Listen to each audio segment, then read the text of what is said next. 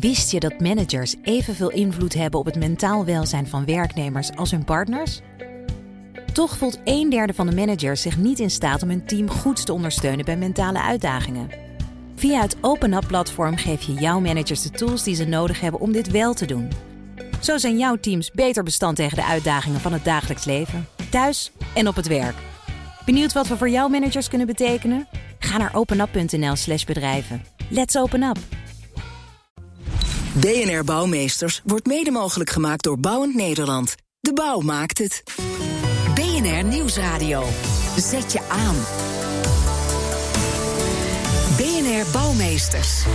Hoe krijgen we miljoenen huurwoningen energiezuinig? Jan Posma. Huurwoningen moeten per 2020 gemiddeld een energielabel B hebben. Tenminste, dat is de doelstelling uit het energieakkoord. Maar van de 2,4 miljoen woningen die corporaties bezitten... heeft nog altijd meer dan driekwart energielabel C of zelfs lager. Blijkt allemaal uit onderzoek in opdracht van Bouwend Nederland. Hoe zorgen we ervoor dat het tempo omhoog gaat... en de doelstelling toch nog gehaald wordt? Welkom bij BNR Bouwmeesters voor de bedenkers, bouwers en bewoners. Te gast zijn Henk Visser, hoogleraar woningkwaliteit en procesinnovatie aan de TU Delft. En Rutger Grootwassing van het energieteam van de Woonbond. Uh, hier allebei in de studio. En vanuit de studio van uh, Omroep Brabant, René Scherpenissen, bestuurslid van EDES, de branchevereniging van woningcorporaties. Uh, hier en daar, welkom allemaal. En laat ik dan even beginnen met een persoonlijke vraag. meneer Visser, wat voor energielabel heeft uw huis? Dat is een beetje lastig te bepalen. Ik heb een heel oud huis. Ik heb heel veel uh, veranderingen doorgevoerd. Ik heb ook heel veel zonnepanelen. U bent al aan het werk dus uh, Ik ben zeker aan het werk geweest. Uh, maar wat het nou precies geworden is... is ik heb geen beetje... officieel energielabel laten maken. Ik heb wel zo'n automatisch energielabel gekregen. Waarop ja. staat van het is energielabel G. En uh, modern, tegenwoordig kun je dat met allerlei bewijzen proberen te, te verbeteren. Ja, ja. Maar ik heb daar zelf nu nog geen uh, noodzaak toe gezien om dat uh, te doen. Ik bedoel, ik weet zelf wat ik gebruik en hoe de woning eruit ziet. Ja, dat is ook belangrijk dat natuurlijk. Belangrijk. Ja, Rutger Groot, Grootwassing van het energieteam van de Woonbond. Dan weet u natuurlijk. Ja, ik heb een uh, energielabel B. Uh, dat is ook inderdaad een voorlopig label hoor. Maar ik woon in een uh, complex wat toen het is gebouwd, uh, 15 jaar geleden, met bovenwettelijke milieumaatregelen is aangelegd. En sindsdien zijn de bewoners ook allemaal nog erg bezig om van alles te verbeteren. Bijvoorbeeld zonnepanelen zijn er onlangs neergelegd. Dus volgens mij zit ik wel goed. Nou prima. En B is natuurlijk ook uh, mooi uh, dat gemiddelde er wat uh, gehaald moet worden. René Scherpenis, u hebt er het langst over na kunnen denken van EDES. wat is het voor u? Nou, ik zit in een A-plus woning. Oh, u wint het. Ik, ja, ik win het dit keer echt. En het, het bijzondere is, ik huur een woning, een duurdere huurwoning. Want voor een sociale huur kom ik vanzelfsprekend niet in aanmerking. Maar een duurdere huurwoning van een corporatie. Dus ik ben wel blij dat we kunnen melden dat het toch A-plus is in dit geval. Nou, het is een we, woning van anderhalf jaar oud. Ja, dus we weten vandaar. nu even waar de, de verhoudingen liggen in ieder geval. Ik moet eerlijk zeggen, ik moest het zelf ook even nakijken wat uh, onze energielabel is. Ik huur ook, dat, uh, ook aan, maar uh, het zijn niet dingen die meteen voor in je hoofd zitten, zeg maar. laten we ook eens kijken, hoe krijg je nou eigenlijk een huis energiezuinig? daarvoor heb je ten eerste natuurlijk een expert nodig. Hij klopt op muren, tuurt onder de vloer en laat zijn kennersoog over uw raamkozijn glijden. Theo Bakker, hij is adviseur duurzame energie bij GEAS. En hij weet hoe je een huis met label D ophoog naar B of misschien zelfs een, een A+. Verslaggever Elvenie Toulaar keek mee in een Enschedeze eensgezinswoning. Ik ga nu met mijn hoofd door de kruipruimte. En ik zie inderdaad, en ik kan ook voelen van, er zit geen isolatie. Het is ook een stuk kouder onder die Ja, je kunt gelijk, je voelt de kou, die voel je al gelijk naar boven komen. Dus is zeker een optie, een aanbeveling van mevrouw om de vloer te gaan isoleren. Kruipruimte gaat weer dicht. Theo Bakker van GEAS, waar let u nu meer op? Nou, we kijken dus naar de constructies van het huis. Je hebt natuurlijk de vloer, gevel, dak, glas. Ja, dat zijn zeg maar de installatie daar natuurlijk ook. Lianne Beumers, jullie wonen hier dus. Buiten zijn ze hard aan het verbouwen. Je hoort ze timmeren. Dat klopt. We kiezen voor een stukje extra wooncomfort. Uh, we gaan onze keuken uitbreiden. En in hoeverre houden jullie bij deze verbouwing nou rekening met uh, dat betere energielabel? Door bijvoorbeeld te kijken naar uh, welk glas doe je erin. En uh, welke, uh, wat, welke delen uh, ga je isoleren, bijvoorbeeld het dak. En dat, als dat weer wat oplevert in de portemonnee, is dat natuurlijk voor iedereen meegenomen. Ja, en beter voor het milieu. Dat zeker. Dan gaan we weer naar de gevel. Even de gevel checken. Lopen we naar buiten. Hoe oud is dit huis, Rianne? 1938. Oké, okay, nou, dus dit huis is een ja. jaar of 80 oud. Dat wil zeggen, in die tijd werd het dus nog niet geïsoleerd. Nee. Nou, je kunt dus al zien van de spo is dus nageïsoleerd. Nou, dan kun je dus zien aan de roostertjes. Nou, die is dus wel geïsoleerd en die grenst ook aan de woonkamer. Dat is gewoon belangrijk. En uh, qua besparing pak je dan toch wel gauw uh, gemiddeld 15 procent. Ik loop heel zachtjes naar boven. Want daar ligt het dochtertje des huizes te slapen. Maar ja, we moeten toch even controleren of het ook wel goed geïsoleerd is. Nou, we zijn nu op de zolder. Je kunt hier zien dat ze inderdaad de binnenkant uh, hebben afgetimmerd. Dus hier zijn isolatie is hier tegenaan gebracht. Dus daar is in principe geen aandacht in om daar nog wat aan te doen. U zegt alleen al door zo'n inderdaad door de, door de muren te isoleren kun je al 15% op je ja. energierekening besparen. Hoe ver kan dat oplopen nog? Nou, als het dus. Uh, als alles doet volgens het groene boekje. Gemiddeld komt ze dan uh, zeg maar een besparing van 20 tot 30 procent. Hoe hoog is de energierekening ongeveer nu? Uh, is nu 195 euro in de maand. Oké, okay, dus even rekenen, dat zou dus uh, iets van 130 euro kunnen worden. Ja, als je inderdaad de maatregelen doet en de investering, dan, uh, dan zou ze inderdaad kunnen zakken naar 130 euro per maand. En dat is op jaarbasis natuurlijk zeker interessant. Ja, veel mogelijkheden dus voor huurders om uh, hun huis zelf ook wat uh, energiezuiniger uh, te maken. Rutger Groot-Wassink, 60 euro per maand hoor ik hier. is dat nou genoeg voor een huurder om een investering zelf te doen? Nou, ik vind dat moeilijk om te zeggen. Want het hangt natuurlijk heel erg af van wat je precies moet gaan doen. Maar ik denk dat de vraag die daarachter zit, is natuurlijk hè, of huurders zelf ook wat kunnen en willen doen. En ik denk dat die bereidheid er zeker is. Wij zien dat in ieder geval als Woonbond, zien wij bij huurders wel heel veel bereidheid. Maar inderdaad speelt dan altijd mee hoe uh, is het totaalplaatje. Hè? Want het gaat natuurlijk om en huur uh, en energie. Hè? Dat, dat totaalplaatje, dat, daar gaat het eigenlijk om. En we zien dat de huren de afgelopen jaren in heel veel gevallen sterk zijn gestegen. En dan is het soms voor mensen moeilijk. Maar uh, we leiden bijvoorbeeld ook energiecoaches op. En ik zie dat heel veel mensen er toch met heel veel enthousiasme mee aan de gang gaan. En er is ook wel onderzoek wat laat zien dat je met gedrag ook nog 5 tot 10 procent aan uh, besparing kunt realiseren. Dat is natuurlijk heel mooi. Ja, uh, meneer Scherpenis, we horen dan. Dus het heeft met de huurprijs te maken en de besparing. Daar, daar hebben we het dan eigenlijk over. Wat geeft bij uw klanten dan de doorslag? Nou, absolute besparing. Dat is, uh, ik, ik, deel heel erg dat het gaat om die totale woonlasten. We hebben de afgelopen jaren inderdaad gezien, die zijn behoorlijk gestegen. De, de, inkomens niet. En dus de betaalbaarheid van die hele huursector, dus huur inclusief die uh, energielasten, is echt een thema geworden. Dat is de reden waarom toch veel corporaties al behoorlijk omvangrijke besparingsprogramma's hebben. En je ziet ook dat in het gesprek, nou, bij mijn corporatie bijvoorbeeld met onze huurders, toch die besparing zeg maar de boventoon voert. Het gaat ook altijd wel een beetje om comfort. Het gaat ook wel een beetje om het milieu. Maar toch, wat ik net de mensen net hoorde zeggen in Enschede. Wat levert het nou op voor mijn portemonnee? En kan ik zeg maar die investering terugverdienen? Uh, of de huurverhoging terugverdienen door wat ik ga besparen? Dat is toch echt wel de, hoofd, uh, de hoofdzaak voor mensen. En wat voor antwoord kunt u daar dan op geven? Het lijkt me voor een huurder namelijk altijd een hele moeilijke afweging.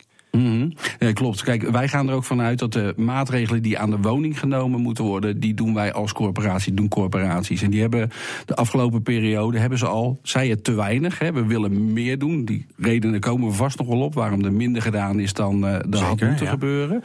Uh, maar hebben, wij hebben zelf van onze 7000 woningen de afgelopen jaren 1200 woningen gemiddeld naar label, uh, label B gebracht om een idee te geven. Dat levert gemiddeld, ik praat nu even over gemiddeld, een besparing op van een tientje of drie op die energierekening. En mensen betalen bij ons minder energie dan je net even in dat voorbeeld uh, hoorde. De woningen zullen ongetwijfeld wat kleiner zijn.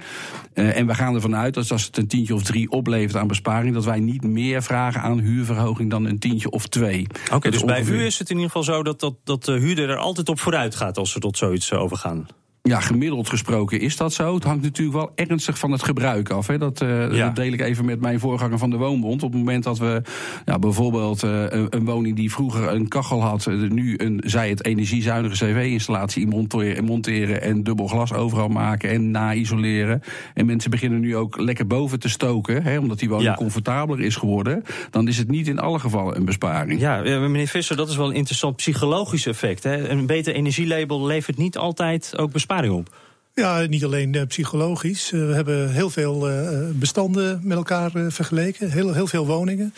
200.000 woningen uit de energielabels die er zijn. Vergeleken met werkelijk energieverbruik. En dan zie je dat de labels toch vooral een, een theoretisch idee geven over hoeveel energie in een woning wordt gebruikt. De werkelijke cijfers die laten iets anders zien. En die laten dus ook een heel ander beeld zien dan wat de labels aanduiden. De, elke labelstap die je maakt heeft ongeveer een, een even grote besparing, zou, zegt het label.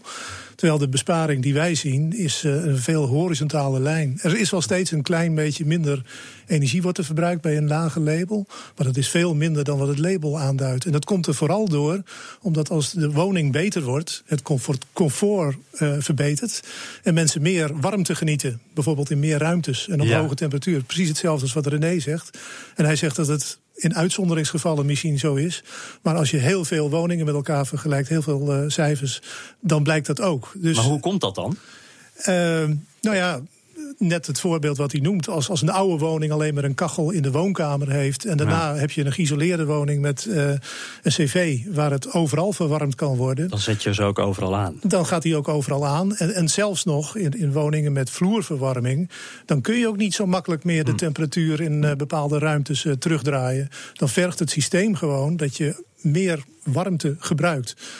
Het wordt gewaardeerd, maar de besparing in, in CO2 en in centen is, is wat minder. Ja. En dat is wel iets om re mee rekening te houden. En, en, als we dan kijken naar uh, sowieso wat huurders kunnen doen, maar ook uh, hoe uh, een verbeterde woning, zeg maar, met een beter label, hoe dat toch ook echt besparing op kan leveren, moeten we daar dan meer voorlichting op geven? Waar zit dat dan in? Weten mensen het niet of is het gewoon, kan het ons niet zoveel schelen? Nou, het, het, lastige is, is dat in, in de slechte woningen mensen eigenlijk een veel beter gedrag hebben dan waar wij van uitgaan. He? Ja. Mensen gebruiken. Nee, maar dat. dat Meneer Groot, nee, ik niet helemaal. Nee, nee, want kijk. Wat er is misschien geen beter gedrag, maar wel ja, uh, ten opzichte van. Nee, zeker. Van maar wat we bijvoorbeeld ook zien is dat uh, mensen in woningen met de slechtste labels over het algemeen de laagste inkomens hebben. Uh, en dus ook gewoon problemen hebben om die energierekening te betalen. Nee, maar ik denk dat we twee dingen echt uit elkaar moeten halen. Hè. Aan de, dat hoorde ik net ook René van de corporatiesector zeggen. Hè. De, aan de ene kant is de corporatie er verantwoordelijk voor dat, laten we zeggen, de harde kant, gewoon de de huizen energiezuinig zijn. Mm -hmm. En aan de andere kant moeten we zeker bij, bij gewoon individuen, bij consumenten, moeten we ook zorgen dat energiebesparing daar een groot thema wordt. Daar zijn we het denk ik snel over eens. Maar die twee dingen moet je ook wel een beetje uit elkaar halen. Ja, en dan gaan we het zo over die corporaties hebben. De miljoenen liggen klaar, maar hoe kunnen we ze inzetten? BNR Nieuwsradio. Zet je aan. BNR Bouwmeesters. Zowel huurders als verhuurders willen wel, willen wel verduurzamen, maar waar gaat dat geld vandaan komen? Wij keken net al even naar de huurders, nu richten we ons op de corporaties.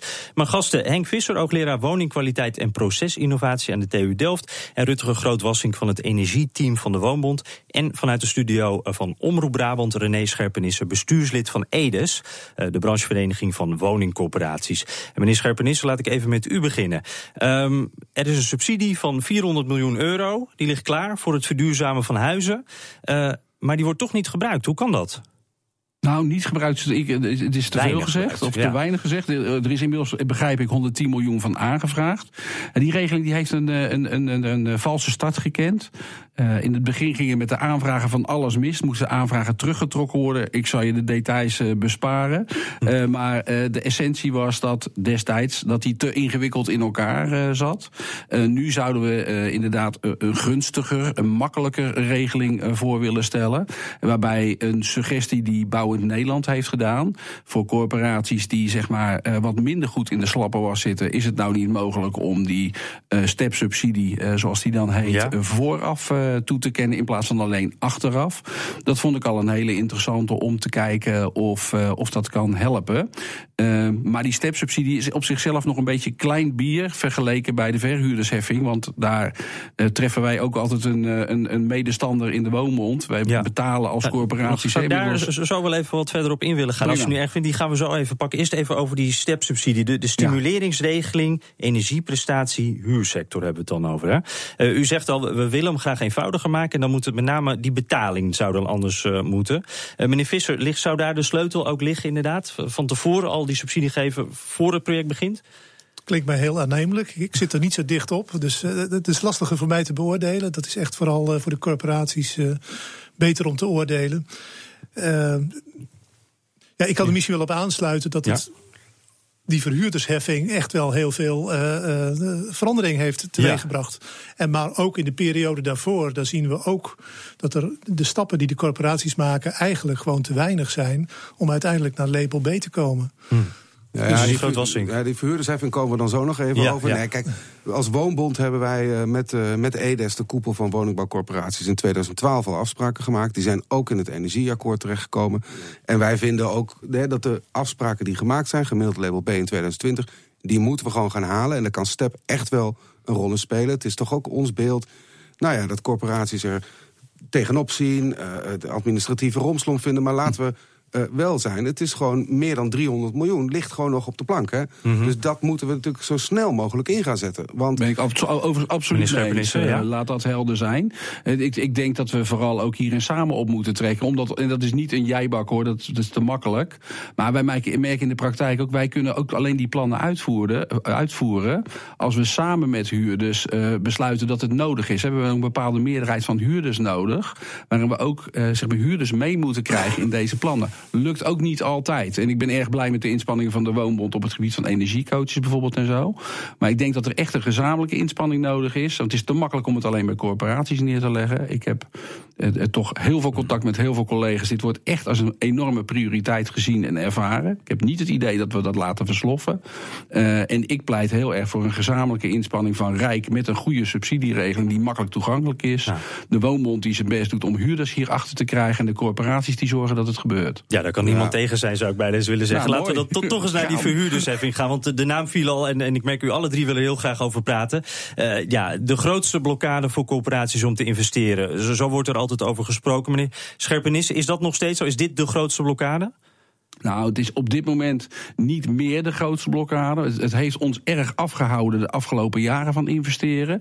Inmiddels hebben we het een beetje kunnen verwerken. Maar tegelijkertijd, het is zo, zo doodzonde dat we 1,7 miljard, want het gaat ook over heel veel geld per jaar, uh, aan een soort uh, belasting, het is eigenlijk een huurdersbelasting, uh, moeten gaan betalen. Terwijl we hadden dat geld ook echt heel goed kunnen gebru gebruiken. Dat heeft Edes ook voorgesteld bij de kabinetsformatie. Als een soort investeringsprikkel, juist voor dit dit soort doeleinden. En dan hadden we mensen aan het werk gehad. We hadden die woningen veel sneller kunnen verduurzamen. Het had voor de BV Nederland uh, in onze optiek in ieder geval vele malen gunstiger geweest om een soort investeringsverplichting van mijn part op te leggen aan corporaties voor die 1,7 miljard. In plaats van dat geld uh, nu als een soort belasting weg te laten lekken. Hoe, ziet u dat dan? Zou bijvoorbeeld zouden corporaties ook een soort verhuurdersheffing korting kunnen krijgen als ze wel verduurzamen? Zou zo'n regeling dan een oplossing zijn? Dat zou bijvoorbeeld kunnen. Dat zou ik een hele goede vinden. Dat je zegt, joh, als je investeert in duurzaamheid, waardoor inderdaad ook mensen aan het werk gaan, waardoor energie bespaard wordt, zeg maar op allerlei andere vlakken ook zeg maar middelen worden gegenereerd uh, voor de BV Nederland, dat je dan die verhuurdersheffing achterwege laat. Meneer Grootwassink, goed nou, idee? die verhuurdersheffing die is sowieso desastreus. Hè? Dus dat hebben wij ook wel gemerkt. We hebben er zelf een onderzoekje naar gedaan en de helft van de corporaties gaf aan uh, minder te gaan investeren in verduurzaming. Dus die verhuurdersheffing die moet, uh, die moet er sowieso af. ook al was het maar omdat heel veel corporaties die verhuurdersheffing afgewenteld hebben op de huurders, hè, waardoor gewoon de huur gestegen is.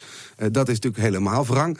Uh, nee, en corporaties hebben dat geld natuurlijk wel nodig. Maar ik heb ook wel een beetje het idee, en dan uh, ben ik toch een beetje onaardig tegen meneer Scherpenissen, dat Jammer nou. corporaties, nou. ja, nee, we zijn het over heel veel dingen eens, maar ik vind toch dat corporaties ook echt wel daar zelf harder in moeten lopen met de middelen die ze al hebben. En ik heb ook wel eens het idee dat er nu toch even gewacht wordt van ja, we moeten van die verhuurdersheffing af. Kijk, en er zijn echt wel ook nog andere dingen te bedenken met elkaar, denk ik, uh, waardoor we die verduurzaming echt een uh, swoon kunnen geven. Een van de andere dingen waar ik me altijd over verbaas, uh, is dat hè, als corporaties proberen hun business case rond te krijgen voor renovatie, dan moeten ze rekenen met hele hoge rente. Volgens mij is het vijf en een kwart. dat weet meneer Scheppen, is ongetwijfeld. Het is inmiddels vijf geworden. vijf. ja. Maar de, de echte rente is natuurlijk veel lager.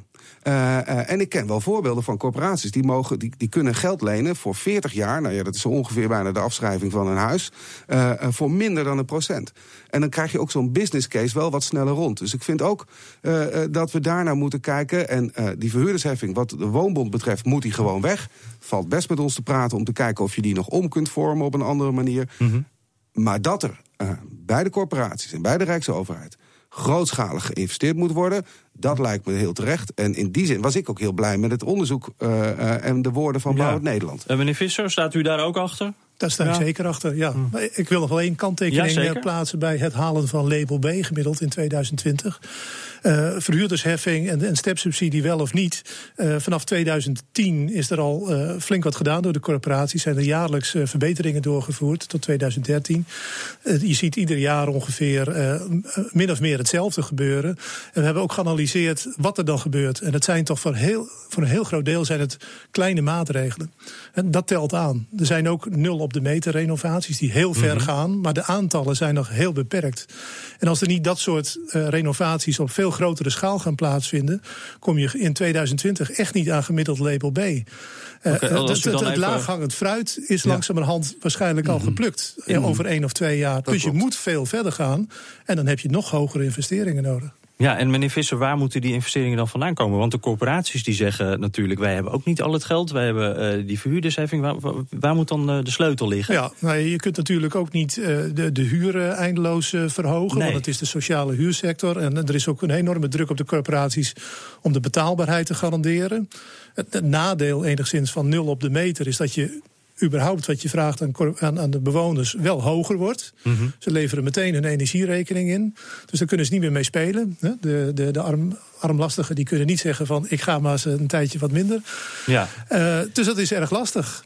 Ja, de overheid, uh, ja, toch geen verhuurdersheffing. Of, of iets met belastingen doen. Ja, en ik denk dat we ook goed moeten kijken naar. Want we, we zeggen nu de corporaties. Er zit nogal een verschil uh, uh, tussen welke corporaties. Ja, de een nou heeft veel meer geld dan de ja, ander. Er zijn corporaties die echt nog wel behoorlijk wat geld op de plank hebben liggen. En corporaties die door. Nou ja, we kennen de verhalen allemaal. het, het, even wat ingewikkelder hebben. En daar moeten we wel echt goed naar kijken. We moeten afronden, meneer Scherpenis. Het eindigt toch met corporaties. Dus aan u het laatste woord. Er zijn toch wel grote verschillen tussen die corporaties, hè? Dat klopt. Er zijn gewoon corporaties die, eh, die, die de middelen op dit moment hebben. En ik ben ervan overtuigd dat die ook hun stinkende best doen om die verduurzamingsopgave te realiseren. En er zijn corporaties die echt eh, door, door combinatie van factoren gewoon toch uh, veel minder goed in de slappe was zitten. En die zullen echt geholpen moeten worden. Ja, die hebben hulp nodig.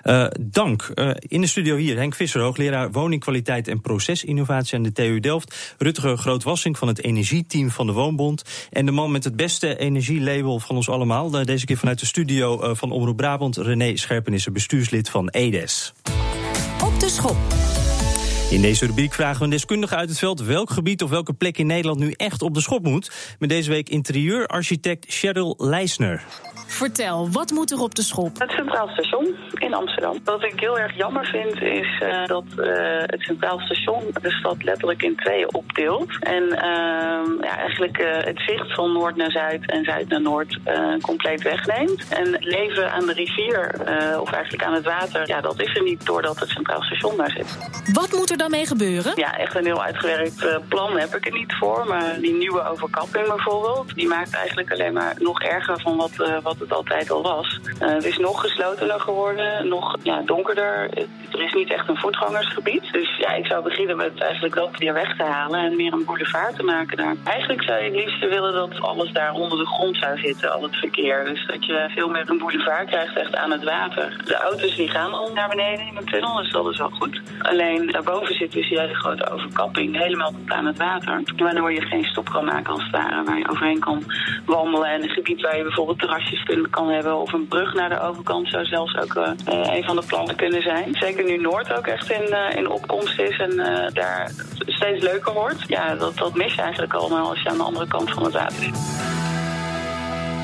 Als het aan interieurarchitect Cheryl Leijsen ligt, is de laatste verbouwing van Amsterdam Centraal dus nog niet het eindstation. Tot zover deze uitzending van BNR Bouwmeesters. U kunt hem terugluisteren op bnr.nl/slash bouwmeesters. En we zitten ook op Twitter. Dus hebt u nou tips voor ons of een idee over wat in uw buurt op de schop moet? BNR Bouw of mail naar bouwmeesters.bnr.nl. Dank voor het luisteren. Terugluisteren? Ook dit programma vind je terug in de BNR-app. BNR Bouwmeesters wordt mede mogelijk gemaakt door Bouwend Nederland. De bouw maakt het. Ik ben Sylvia van Solft. Betaalt u te veel huur of huurt u te veel kantoorruimte?